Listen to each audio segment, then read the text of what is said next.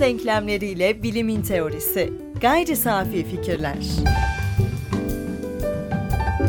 Gayri Safi Fikirlerin 54. bölümünden merhaba. Herkese merhaba. Ben Tansel Erdem Yılmaz. Ben Ömer Faikanlı. Bu bölümde sürekli alıntı yaptığımız o literatürden, bilim felsefesi, epistemoloji literatüründen bir makaleyi konuk etmeye planladık fakat öncesinde hem bu makalenin alanı olan hem de bize özel olarak gelen soruların ya da bu alanda ortaya çıkan soruların bir toplamını e, yanıtlamak için bir ayrımı netleştirmek istiyorum. Bir araştırma programı olarak bilim felsefesi yani bahsettiğimiz zaman epistemoloji ve bilim felsefesi sanki ayrı konularmış gibi bize e, tınılayabiliyor. Fakat araştırma programı olarak baktığımızda bilim felsefesi epistemolojinin 19. yüzyıldan sonra bir alt kırılımı gibi ortaya çıkıyor ve e, 19. yüzyıldan sonra özellikle bu isimle de anılıyor. Yani birbirlerini kapsayarak günümüze kadar geliyorlar. Bu sebeple birbirinden tamamen bağımsız olarak görmek çok da mümkün değil. Bu haliyle epistemoloji için ortaya çıkan soruları bilim felsefesine tahvil etmek de aslında iki küme arasında bir boşluk yaratmaz diye düşünüyorum. Sen ne dersin? Evet şöyle bir e, benzetim kurabiliriz. Hatırlayacağım üzere pek çok programda bunu dillendirmiştik. Yani tekrarlayarak e, felsefe problemlerle başlar. Aslında bilgi edinme süreci problemlerle başlar. Ve felsefede felsefi problemlerin tespit edilmesiyle başlayıp bir kısmının çözülmesi, bir kısmının dönüştürülmesi e, süreciyle kendi tarihini oluşturur diyebiliriz. O halde epistemolojinin temel problemi olan en geniş anlamlandırmasıyla bilgi problemi 19. yüzyıldan sonra bir farklılaşmaya giderek bir tür bilimsel bilgi problemine çeşitlendi diyelim. Aynı evrimsel bir süreçte olduğu gibi. O halde problem dönüşüyorsa, evriliyorsa onu ele alan, onu konu edinen epistemoloji de dönüştü veya da evrildi. İşte bu anlamda bilgi teorisi yani İngilizce karşılığı Theory of Knowledge ve onun ardından gelen Theory of Science yani bilim teorisi epistemolojinin bu evrimsel dönüşümündeki iki çeşitlenme veya da iki e, uğrak diyebiliriz. O yüzden epistemoloji genel başlığı hala korunmakla beraber artık epistemolojinin alt damarlarından, alt yollarından, alt e, soy yollarından bahsediyoruz. İşte bilim felsefesi de bunlardan biri. Burada bilim teorisi ile bilgi teorisi arasında bir ayrıma gidecek olursak epistemolojiye yani onun kapsama alanına sanırım bilgi teorisi biraz daha yakın oluyor tanımsal olarak. Evet daha yakın yani şöyle bir sıralama tabii kabaca bunu belki sonrasında detaylandırır veya üzerine konuşuruz ama epistemoloji ortak ata onun bir altında bilgi teorisi bunu modern felsefeyle de koyutlayabiliriz. Mesela Kant'ın yaptığı epistemoloji miydi bu anlamda? Elbette üst başlık, ortak atıda epistemolojiydi. Ama Immanuel Kant'ın başlattığı noktaya veya onunla beraber çeşitlenen yeni açılan damara bilgi teorisi, Theory of Science, Theory of Knowledge diyebiliriz. 19. yüzyılla pozitivizmle beraber de artık Theory of Science başladı diyebiliriz. Ama tekrar ediyorum hepsinin üst başlığı ortak ata anlamında epistemolojidir. Yani hala epistemoloji yapıyoruz desek çok da uzağa düşmeyiz. Sadece işin inceliğini kaybederiz. İncelik derken neyi kastediyorduk? Birkaç kere bunu da galiba söylemiştik. Ne kadar çok şey söylemişiz bu arada. Kavram dediğimiz şey aynı Türkçe'de aslında güzel bir kökten geliyor. Kavramak. Yani gerçekliği, nesnesini en iyi kavrayabilen kavram işlevsel ve iyi bir kavramdır, yeterli bir kavramdır. Epistemoloji bilgi problemini kavramak bakımından araştırma programını adlandırmak üzere iyi bir adlandırma elbette. Ama artık mesele biraz değiştiği zaman işin içine bilimsel deneysel bilimlerin ürettiği bilgi girdiği zaman veya girmeye başladığı zaman artık bu theory of knowledge oluyor ve temel üç problem dönüşüyor. Bunun sonra üzerinde duracağız. Ama hemen hatırlatalım neydi bu üç problem? Bilgi nedir? Olanaklı mıdır? Bilginin kaynağı nedir? Yani zihinsel süreçler veya deneysel süreçlerin e, temel yapısı arkitektoniği nedir sorusu ve üçüncüsü de doğruluk kriteri nedir sorusu. Yani bilginin temel kriteri olan doğruluğu belirleyecek kriter nedir sorusuydu. Ama Kant'la beraber bu soru biraz değişti. O kadar detaya şu an girmeyeceğiz. Ama 19. yüzyıldan bizim bilim felsefesi dediğimiz e, aşamadan sonra artık bilgi onaklı mıdır sorusunu sormuyor örneğin bu soruyu sormuyor ve yaptığı şey şu, bilimsel bilgiyi diğer bilgi iddialarından ayıran temel kriter veya kriter seti nedir? Yani soruda bir değişim var ama sorunun değişimini gerektiren de gerçeklikte, bilgi gerçekliğindeki bir değişim. Bilgi gerçekliğini konuştuk. Birazdan da makalemize geçeceğiz. Fakat ben epistemoloji, bilgi teorisi, bilim teorisi katmanlaşmasında o ayrımında e, şöyle bir soruya takıldım. Tam bunları şematize ederken aslında bölümle de pek alakalı olmasa da epistemolojiden bilgi teorisine gittik. Bilgi teorisinden bilime anlamaya çalışırken bilim teorisine gittik. Fakat burada teknoloji teorisi ortaya çıktığında acaba bilim teorisi yerine bilgi teorisinden mi e, o çıkışını yaratacak yoksa bilim teorisinden mi çıkacak sence?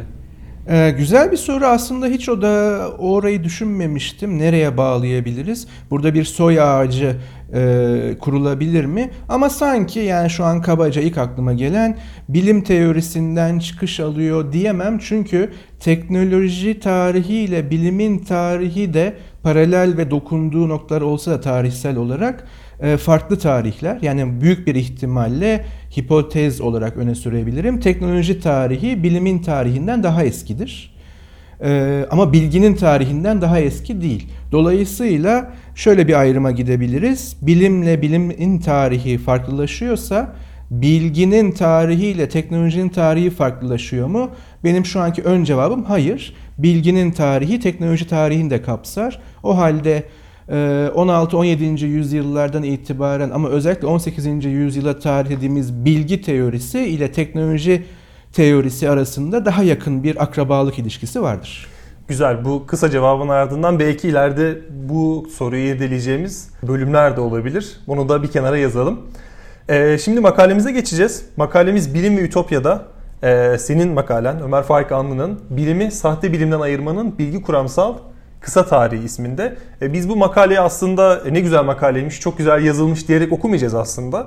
Bizi nereye götüreceğini ve e, sahte bilimleri anlarken epistemoloji bağlamında, epistemoloji 102 bağlamında bizi nereye götüreceğini anlamak ve aslında bu makalede, yıllar önce ortaya çıkan makalede geliştirilebilecek düşünceler var mı? Belki bazı eksikler, tamamlanması gereken noktalar var mı? Buna bakmaya çalışacağız. Hem senin gözünden hem de benim eleştirel gözümden. E, istersen başlayalım. Başlayalım ama önce hemen tabii şöyle bir e, girizgahı ben yapayım. Yıllar önce belki Türkiye'nin e, en azından belirli bir aşaması. İlk talk show'u Cem Özer'in Laf Lafı Açıyor adlı talk show'unun sonunda ben sizin yerinizde olsam sadece bu programı izlerdim. Çünkü ben sadece bu programda varım diye bitirirdi. Ee, burada da hani öyle sadece kendimi okuyorum veya kendi makalelerim üzerine konuşuyorum gibi bir durum oluşmasın. Esprili olarak tabii ki bunu söyleyebilirim. Ama buradaki temel kaygımız şu. Felsefe veya da en azından felsefenin kökeni hatta belki de tüm bilgi arayışının kökeninde diyalog var. Yani Platon'un e, metinlerini diyalog biçiminde yazması tesadüfi değil veya da bir üslup meselesi değil. Başka zamanlarda üzerinde durmuştuk.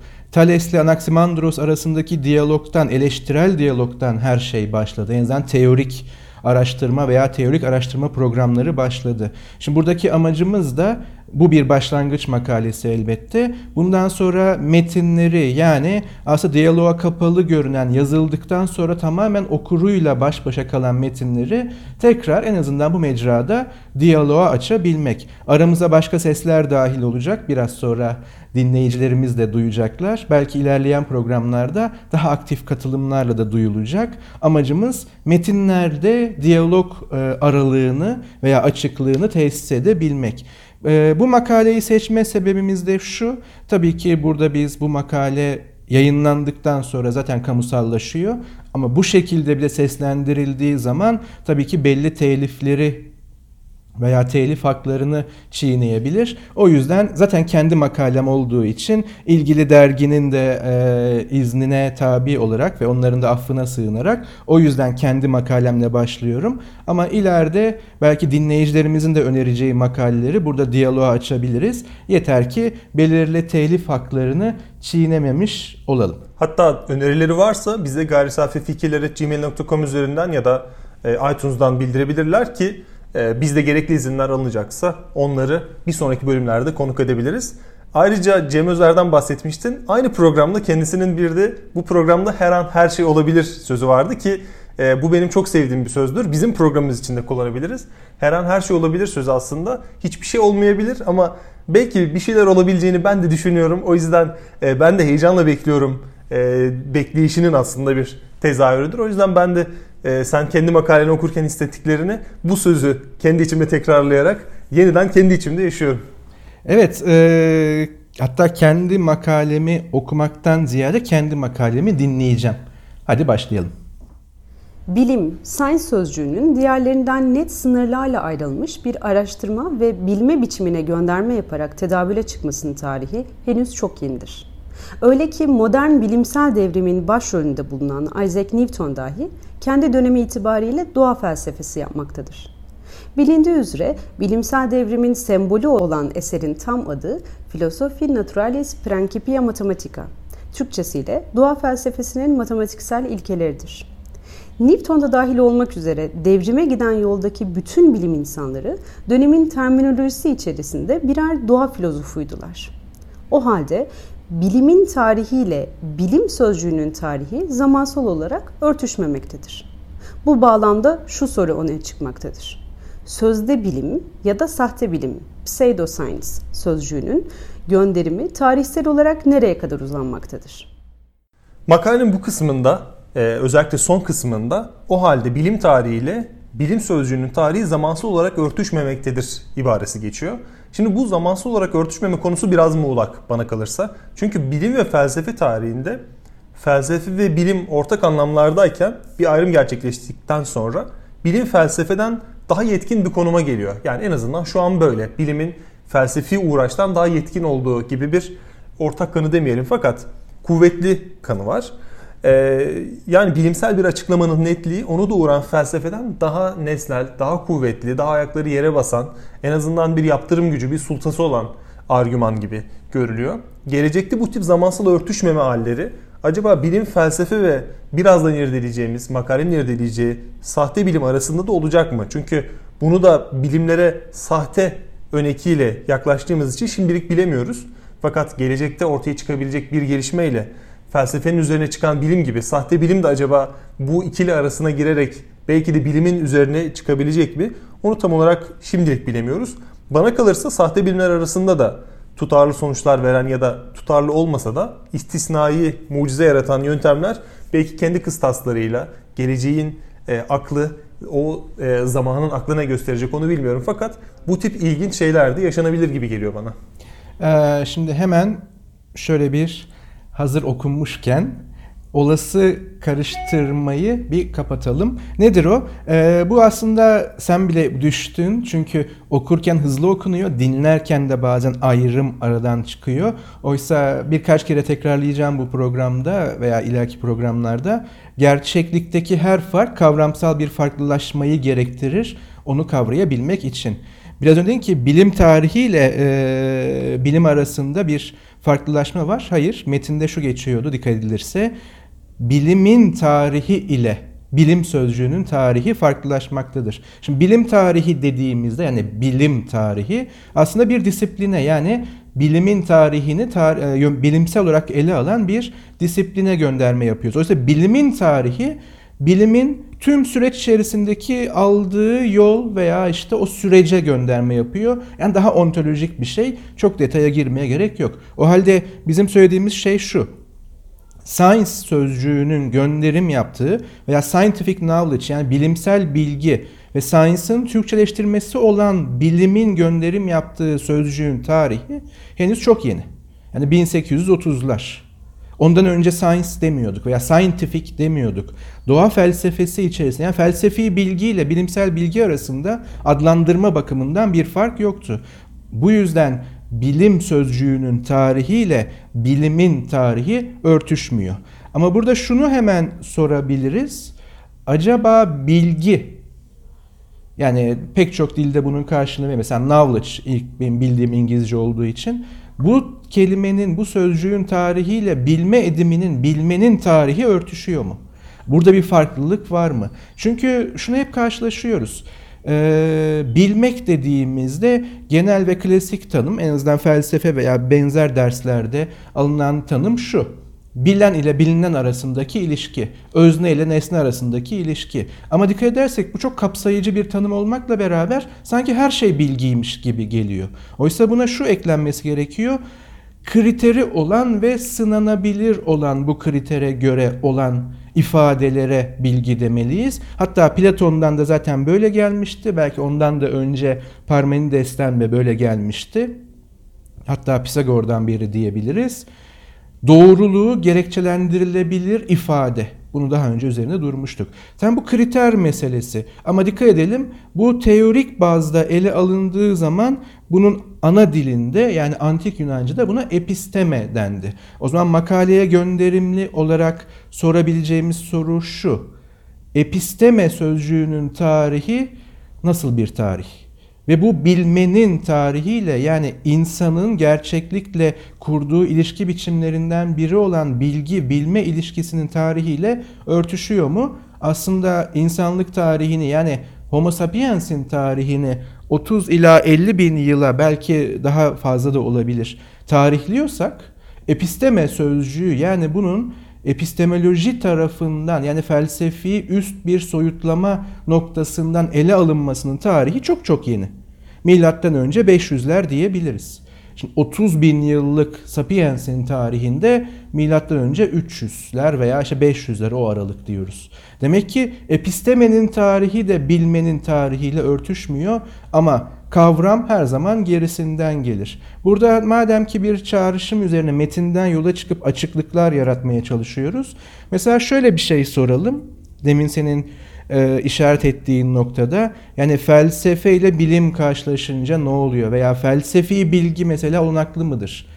Felsefi bilgi ayrı bir kategori midir gibi sorular için şöyle diyelim günümüzde felsefenin bilimler yani deneysel bilimler karşısında bir otonomisi var mı?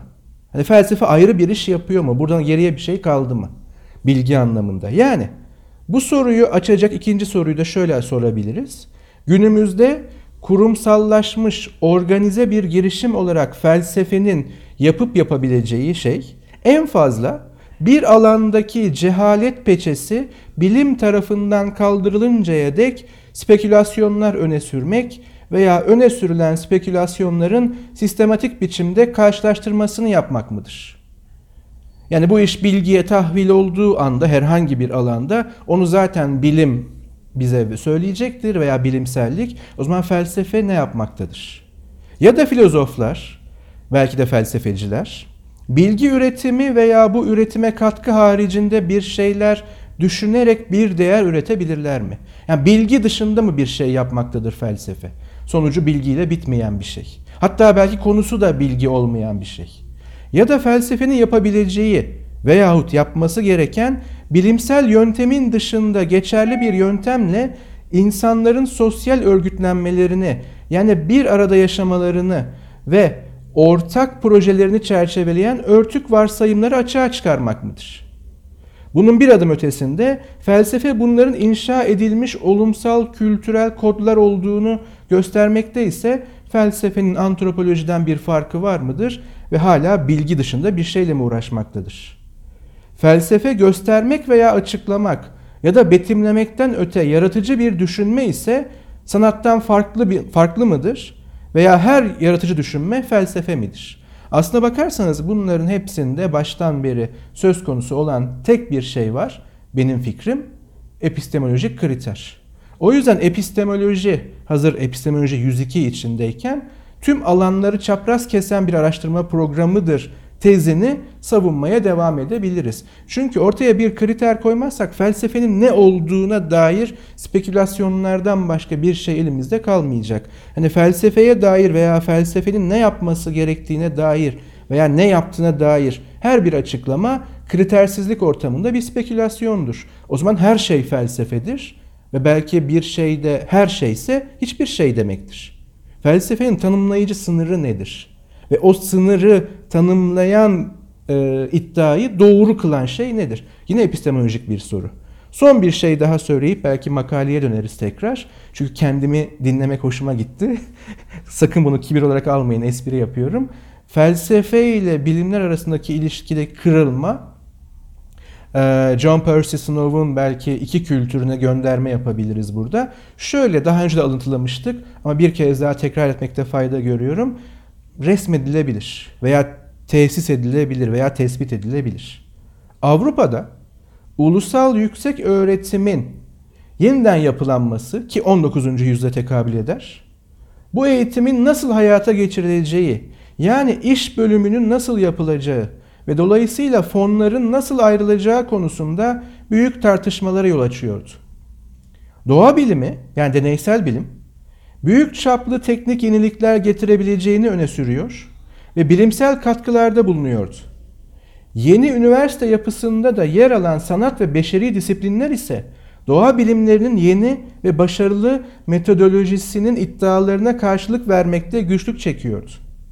Bilimciler deneysel bilimin başarıları geleneksel felsefe olmadan da kendini gayet iyi idame ettirdiğini kanıtlamaktadır gibi ifadeler kullanarak kendilerini felsefeden ayırmaya çalışıyordu. Bilimciler felsefeden utanıp sıkılmaya ve deneyler yapacakları köşelerine çekilmeye başladılar. Aslında mevcut dünyadaki iki kültür bölümlemesi bu. Yani bilgi üretebiliyorsan zaten bilim yapıyorsundur. Şu kriter bilimden gelir. Bunu üzerinde tartışacağız. Yani 19. yüzyıldan sonra tabii ki. Yapmıyorsan bilgi üretmiyorsun. Peki bilgi üretmiyorsan akademide veya üniversitede ne işin var? Temel soru buydu. Ve felsefenin yüzleştiği soru da buydu. Ve tabii ironik olarak kökensel ve tarihsel olarak bilgiyi konu edinen epistemoloji yani felsefenin bir parçası nereye düşecekti? Ama deminki soru tam da bununla ilgili. Bilimle sahte veya sözde bilimi ayırmak. Yani bilimle Poseido science'ı, Poseido bilimi ayırmak problemini kim üstlenecek? Biz bunu daha kökensel bir yere çekelim. Episteme ile doksa arasındaki fark. Episteme ile avcı palavrası arasındaki fark. Yani episteme ile Poseido episteme arasındaki farkı kim ele alacak? Hangi araştırma programı ele alacak? En üst başlık felsefe, alt başlık epistemoloji, sonraki çeşitlenmesi veya evrilmesi, bilgi teorisi ve bilim teorisi. İki kültürden bahsettin, episteme ve 90 ayrımından bahsettin ve bilim ve felsefenin iki kültür olarak iki ayrı köşede konumlandığı ve aralarında belli çatışmalar olduğu, görece bilimin bu çatışmada biraz daha e, sızlanarak yaklaştığını, felsefenin de orta yol bulmaya çalıştığını söyledin ya da e, düşünüyorsun. Ben burada aslında üçüncü kültürü birazdan inceleyeceğimizi düşünüyorum. Çünkü bilim, felsefe ve sahte bilim dendiğinde yani sahte bilimi bu ikisinin yanında e, bir kültür olarak görmek biraz sanki bilimi ve felsefeyi küçümsemek gibi gelebilir ama şöyle düşündüğümüzde sahte bilimler aslında bilimin varsayımlarına ve bilim otoritesinin varsayımlarına skeptik olarak yaklaşan, onu sorgulayan ve burada da felsefenin yöntemlerini kullanan yani ya öyle değilse bir de bunu deneyin gibi bunları tabii ki çok mantıklı seviyelerde kullanıp kullanmadıkları soru işaretidir. Fakat aslında ikisinin yöntemlerinde kullanarak ikisinin arasında şimdilik biraz e, muğlak bir noktada bulunsa da üçüncü kültür olarak ortaya çıkma iddiasıyla bir manada aslında e, bu makalenin de konusu olmuş. Belki ileride üçüncü üç kültür olarak da e, Snow değil de belki de başka biri, sen ben ya da başka biri e, bir kitabını yazabilir diye düşünüyorum. Umarım o tip bir yükseliş olmaz. Fakat olmaması için de elimizde bir sebep yok. Şu an e, devletler e, ve büyük insan kitleleri pseudoscience'ın, sahte bilimlerin sıkıcı arkasında duruyor. Belki de e, Lakatoş'un o dert ettiği toplulukların, büyük toplulukların bir şeyi kabul etmesi acaba bizi geriye götürebilir mi sorusu gerçekleşebilir ve bizim geride olarak gördüğümüz bu fikirler bir manada yetkin olabilir bir gün. Ee, üçüncü kültür bu değil. Hemen bir spoiler vereyim. Türkçesi geçenlerde bir yerde duydum. Kaynağı bir sonraki programda söylerim. Hakkını teslim edeyim çünkü. Sürpriz bozan. Bir sürpriz bozan söyleyeyim. Üçüncü kültür kavramsallaştırılması kullanıldı ve kullanılıyor. Bu alanda bakidir ve caridir. Ee, ama dediğin tehlike üzerine konuşmaya e, hakikaten gerek var bir sahte veya sözde bilim, tabi bunu daha büyük bir kategoriye çekelim, daha geniş bir kategoriye. Sahte veya sözde bilginin bir kültürü geri dönebilir. Evet bu bir tehlike ve onun oluşturacağı kültür nasıl olacak? Bazı ipuçlarını görüyoruz dünyada. Ee, hemen şöyle söyleyelim, şimdi devamına geçmeden önce. temelde epistemoloji zaten belki de biraz zorlama olabilir ama şunu söyleyebiliriz. Episteme ile poseido episteme yani bilgi ile sahte bilgi arasındaki geçen programa gönderimle gerçek hikayelerle, gerçeği hikaye eden şeylerle, gerçeği ifade eden e, teorilerle avcı palavralar arasındaki farkı açığa çıkarmakla ilgiliydi. O yüzden makalede Poseido Science veya da Poseido Bilim geçerken bunu Poseido bilgi olarak düşünelim ve sahte bilgi nedir, ne menen bir şeydir ve neden zararlıdır diye fonda düşünmeye devam edelim. Sözde bilim ya da sahte bilim, pseudoscience sözcüğünün gönderimi tarihsel olarak nereye kadar uzanmaktadır? Bu soru ışığında incelendiğinde pseudoscience, Türkçesiyle sahte bilim ya da sözde bilim probleminin eski bir problemin yeni bir biçimi olduğu görülmektedir. Daha da temelde sıradan insanlar da doğaya ilişkin kanılarını bilimsel bir imge dolayımında biçimlendirmektedirler. Elbette ki bu durum bilim insanlarının toplumsal aydınlar olarak konumlandırıldıkları toplumlarda daha da belirgindir. Bilim insanları kıtaların hareket ettiğini ya da evrenin yaşının 14 milyar yıl olduğunu söylediklerinde genellikle buna dair kamuoyunda sağlam bir doğruluk kanısı ve bilgi kabulü oluşmaktadır. Bununla birlikte bilim insanları UFO'ların var olmadığını, alternatif tedavilerin büyük bölümünün şarlatanlık olduğunu söylediklerinde belirli kanıları bilim dışı ilan etmiş olmaktadırlar. Her iki durum da temelde toplumun gerçeklikle ilişkisini doğrudan etkilemekte, ikincil olarak ise iktisadi ve kuramsal sonuçlar doğurmaktadır. Bunun yüzeysel olmakla birlikte en doğrudan göstergesi çeşitli mecralarda yer alan reklamlarda sıklıkla kullanılan İsviçreli bilim insanları imgesidir. Bilim en doğru yol gösterici ise hangi yoldan gideceğine karar verebilmek için bilim ile bilim dışının yani bilimsel olan ile bilimsel olmayanın ayrımını verebilmek öncel ve zorunlu bir adımdır. Kriterin bu şekilde odaklanması yani bilim bilim dışı ayrımını merkeze almasının tarihi ise 19. yüzyıla dayanmaktadır. Fakat bilgi kanı ya da bilgi safsata ve hatta bilgi şarlatanlık ayrımının tarihi ise insanlık tarihi kadar eskidir. Bir önceki bölümde e, Neşeli Günler'deki Ziya'dan bahsetmiştik. Yani bu bilgi, bilim, şarlatanlık, e, bilgi ve safsata ayrımında aslında makalenin iler, ilerleyen kısımlarında tıpkı geçtiğimiz bölümde konuştuğumuz gibi bu tip bir yere de evrilmeye başlıyor ve aslında bizim biraz üstün körü bahsettiğimiz geçtiğimiz bölümde bu avcı palavralarını biraz daha detaylı bir şekilde irdeleyeceğiz.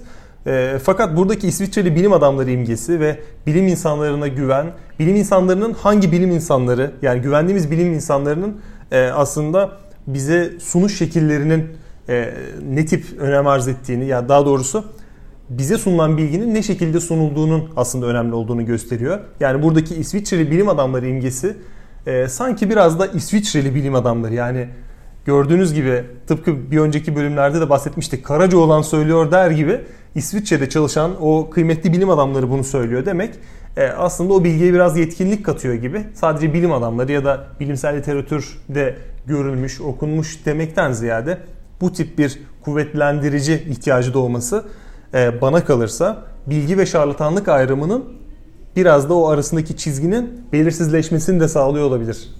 Ama temelde makalede geçen şeyi bir tekrar edelim. Mesela 14 milyar yıl önce evren var oldu dendiğinde e, ya da deprem jeolojik bir olgudur, e, sismik boşluklar ve kıta hareketleriyle ilgilidir dendiğinde en azından çoğunluk için çok büyük bir problem yok. Hatta ne yazık ki biz bunu acı bir şekilde öğrendik ama Marmara depreminden sonra e, sürekli gözümüzü jeologlara çevirmemiz, bütün e, ulusal kanallarda jeologlardan fikir alınması, onlardan bilgi alınmaya çalışılması önemli bir göstergeydi. Burada çok fazla e, bir ayrışma söz konusu değil. Ama biri çıkıp da alternatif tıp adı altında önerilen tedavi biçimlerinin büyük bir kısmı şarlatanlıktır dendiğinde birden bir şüpheyle karşılaşıyor veya da e, farmakolojik çetelerin yani tıp içindeki e, çetelerin sözcüsü olmakla,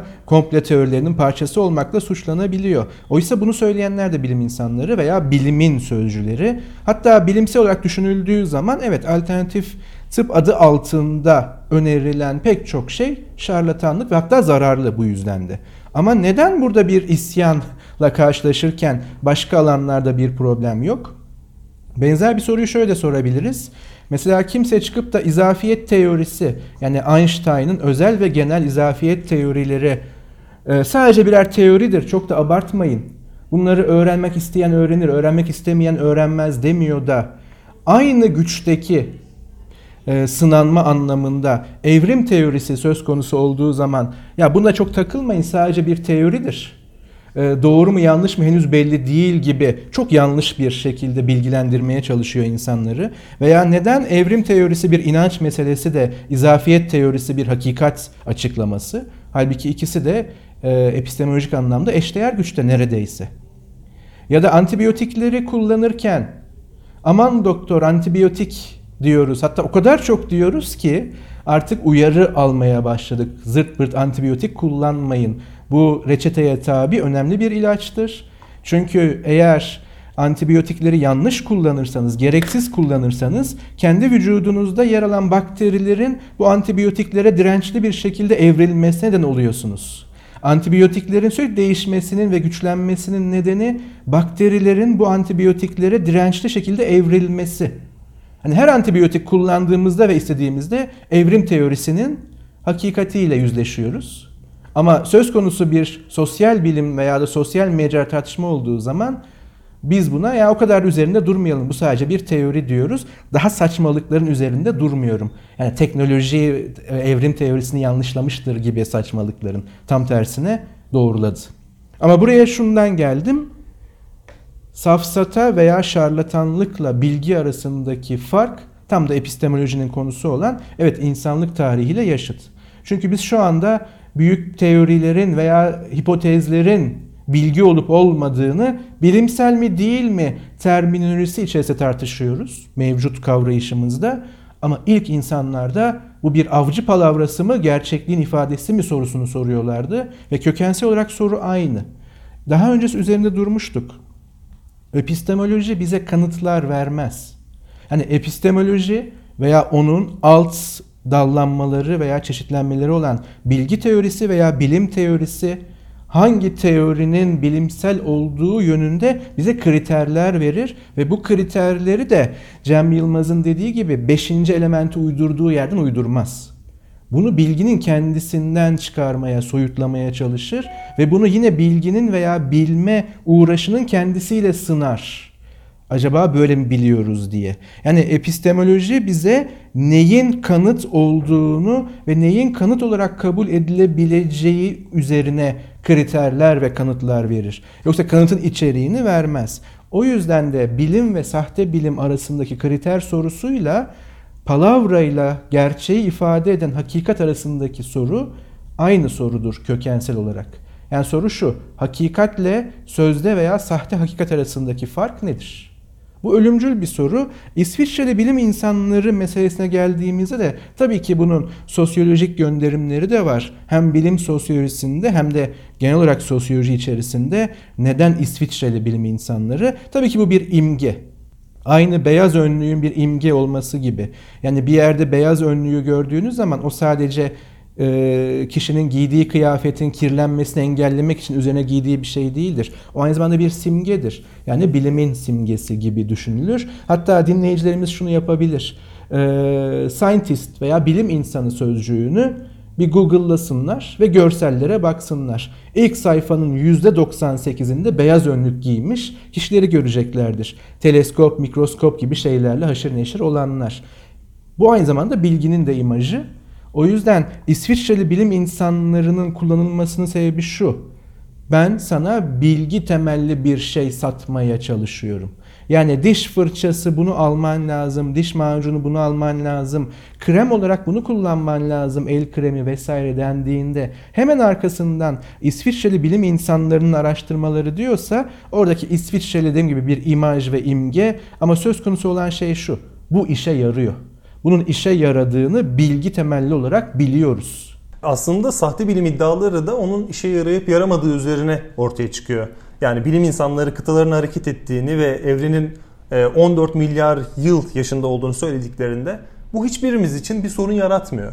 Yani bu bilgiyi görüyoruz, duyuyoruz ve yanımızdan geçip gidiyor. Fakat birisi çıkıp alternatif tıpla ilgili yahut e, bizi tedavi edebilecek, bize fayda sağlayabilecek ki buradaki faydayı e, iki elimle tırnak işareti yaparak gösteriyorum. Bir öneride bulunduğunda aniden zihnimizdeki alarmlar yanıyor çünkü anlık bir faydadan bahsediyoruz. Bu tıpkı e, Ağustos ayından, Temmuz ayından bu yana yaşanan çalkantılı belki de dönemde döviz spekülasyonu yapan kişilerin onu onların yaptığı yorumlara verilen heyecan belirtileriyle de anlaşılabilir. Çünkü kişi diyor ki e, işte şimdi do- dolar almanız gerekiyor, şimdi dolar satmanız gerekiyor. Yani burada e, döviz cinsinden bağımsız olarak kişiler heyecanlanıyor. Çünkü orada yaşayacakları bir anlık kazanç var ve e, o kişinin verdiği bilginin kaynağını ikinci plana atıyorlar.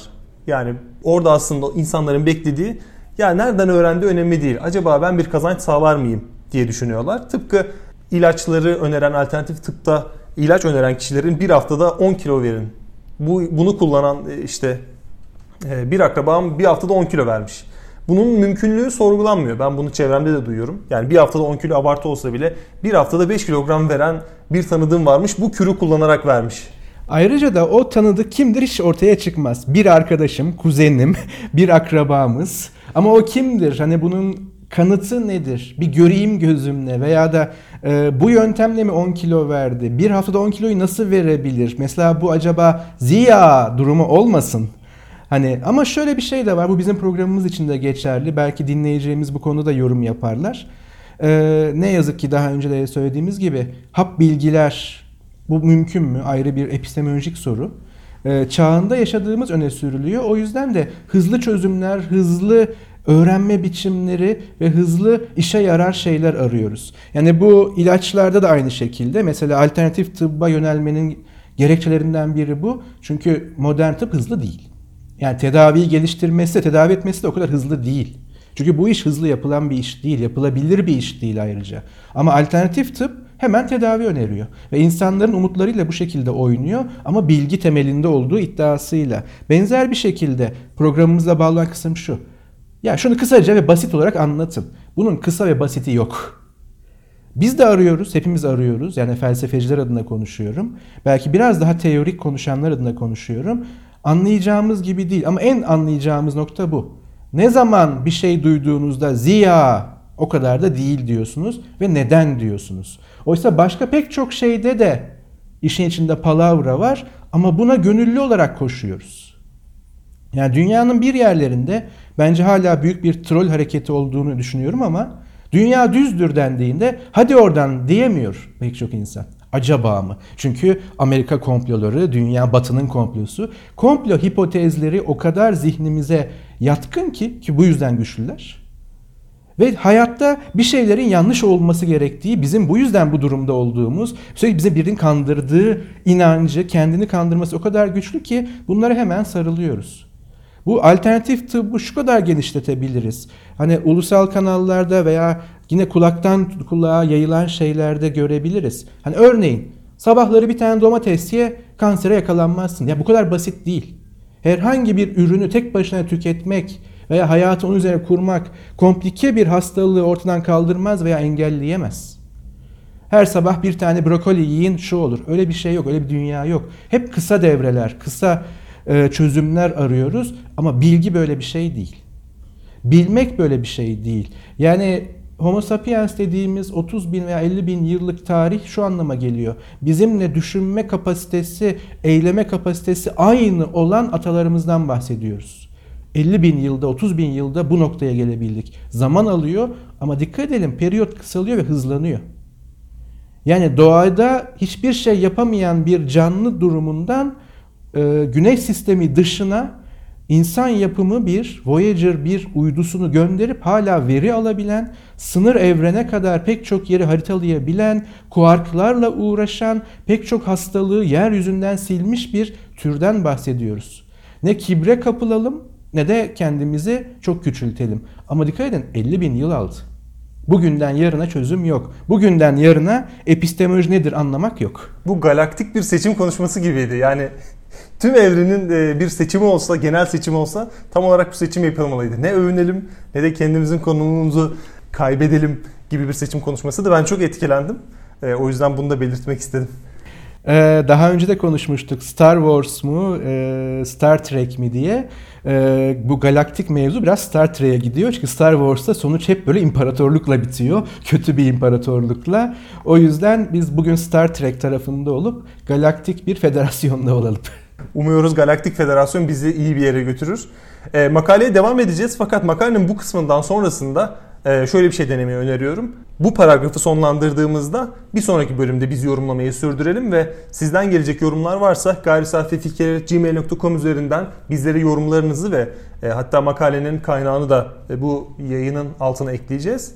E, makalenin genelinde yorumlarınızı, fikirlerinizi ve aklınıza takılan soruları iletirseniz hem makalenin yazarına bir e, sorma imkanı olur hem de burada yorumlamış oluruz. Aslında burada da bir kapanış yapabiliriz. E, bizleri iTunes'dan, Ekşi Sözlük'ten ve Spreaker'dan dinleyebilirsiniz, yorumlayabilirsiniz. Eleştirilerinizi ve bu makale üzerinde ve genel olarak yorumlarınızı gayrisafifikirleri.gmail.com üzerinden iletebilirsiniz. Burada programı kapatmayın. Birazdan makalenin sunumu devam edecek. Görüşmek üzere. Görüşmek üzere.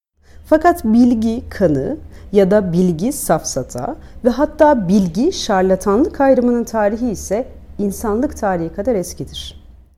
Karl Popper bu tarihi insana özgü dilin icadıyla başlatır. Hayat Problem Çözmektir kitabında şöyle söyler. İnsana özgü olan dilin icadı, olanları bildirme, anlatma olanağıyla bağlantılıdır.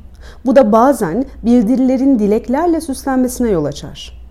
Öyküler anlatılmaya başlanır ve bunlar bazen birbirleriyle çelişebildiğinden doğruluk sorunu ortaya çıkar. Bir anlatının veya bir bildirinin, örneğin bir av hakkındaki bildirinin doğruluğu veya yanlışlığı problemi. Bildirinin doğru mu yoksa dileklerle süslenmiş bir uydurmaca mı yani avcı palavrası mı olduğu problemiyle birlikte hayati önemdeki doğruluk problemi başlar. Avcı palavraları ilk topluluklar için inanılmaları halinde dolaysız biçimde ölümcüldürler. Bu yalan ile hakikat arasındaki ayrımdır ve halen de hayati bir konumdur. Günümüzdeki fark bu anlamıyla avcı palavrasının doğrudan değil de dolaylı olarak bir toplumun ölümüne yol açmasıdır.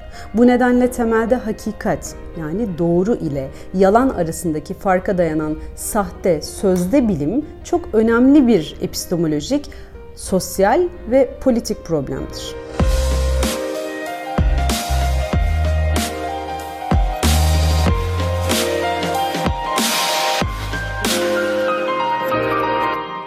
Denklemleriyle bilimin teorisi. Gayri safi fikirler.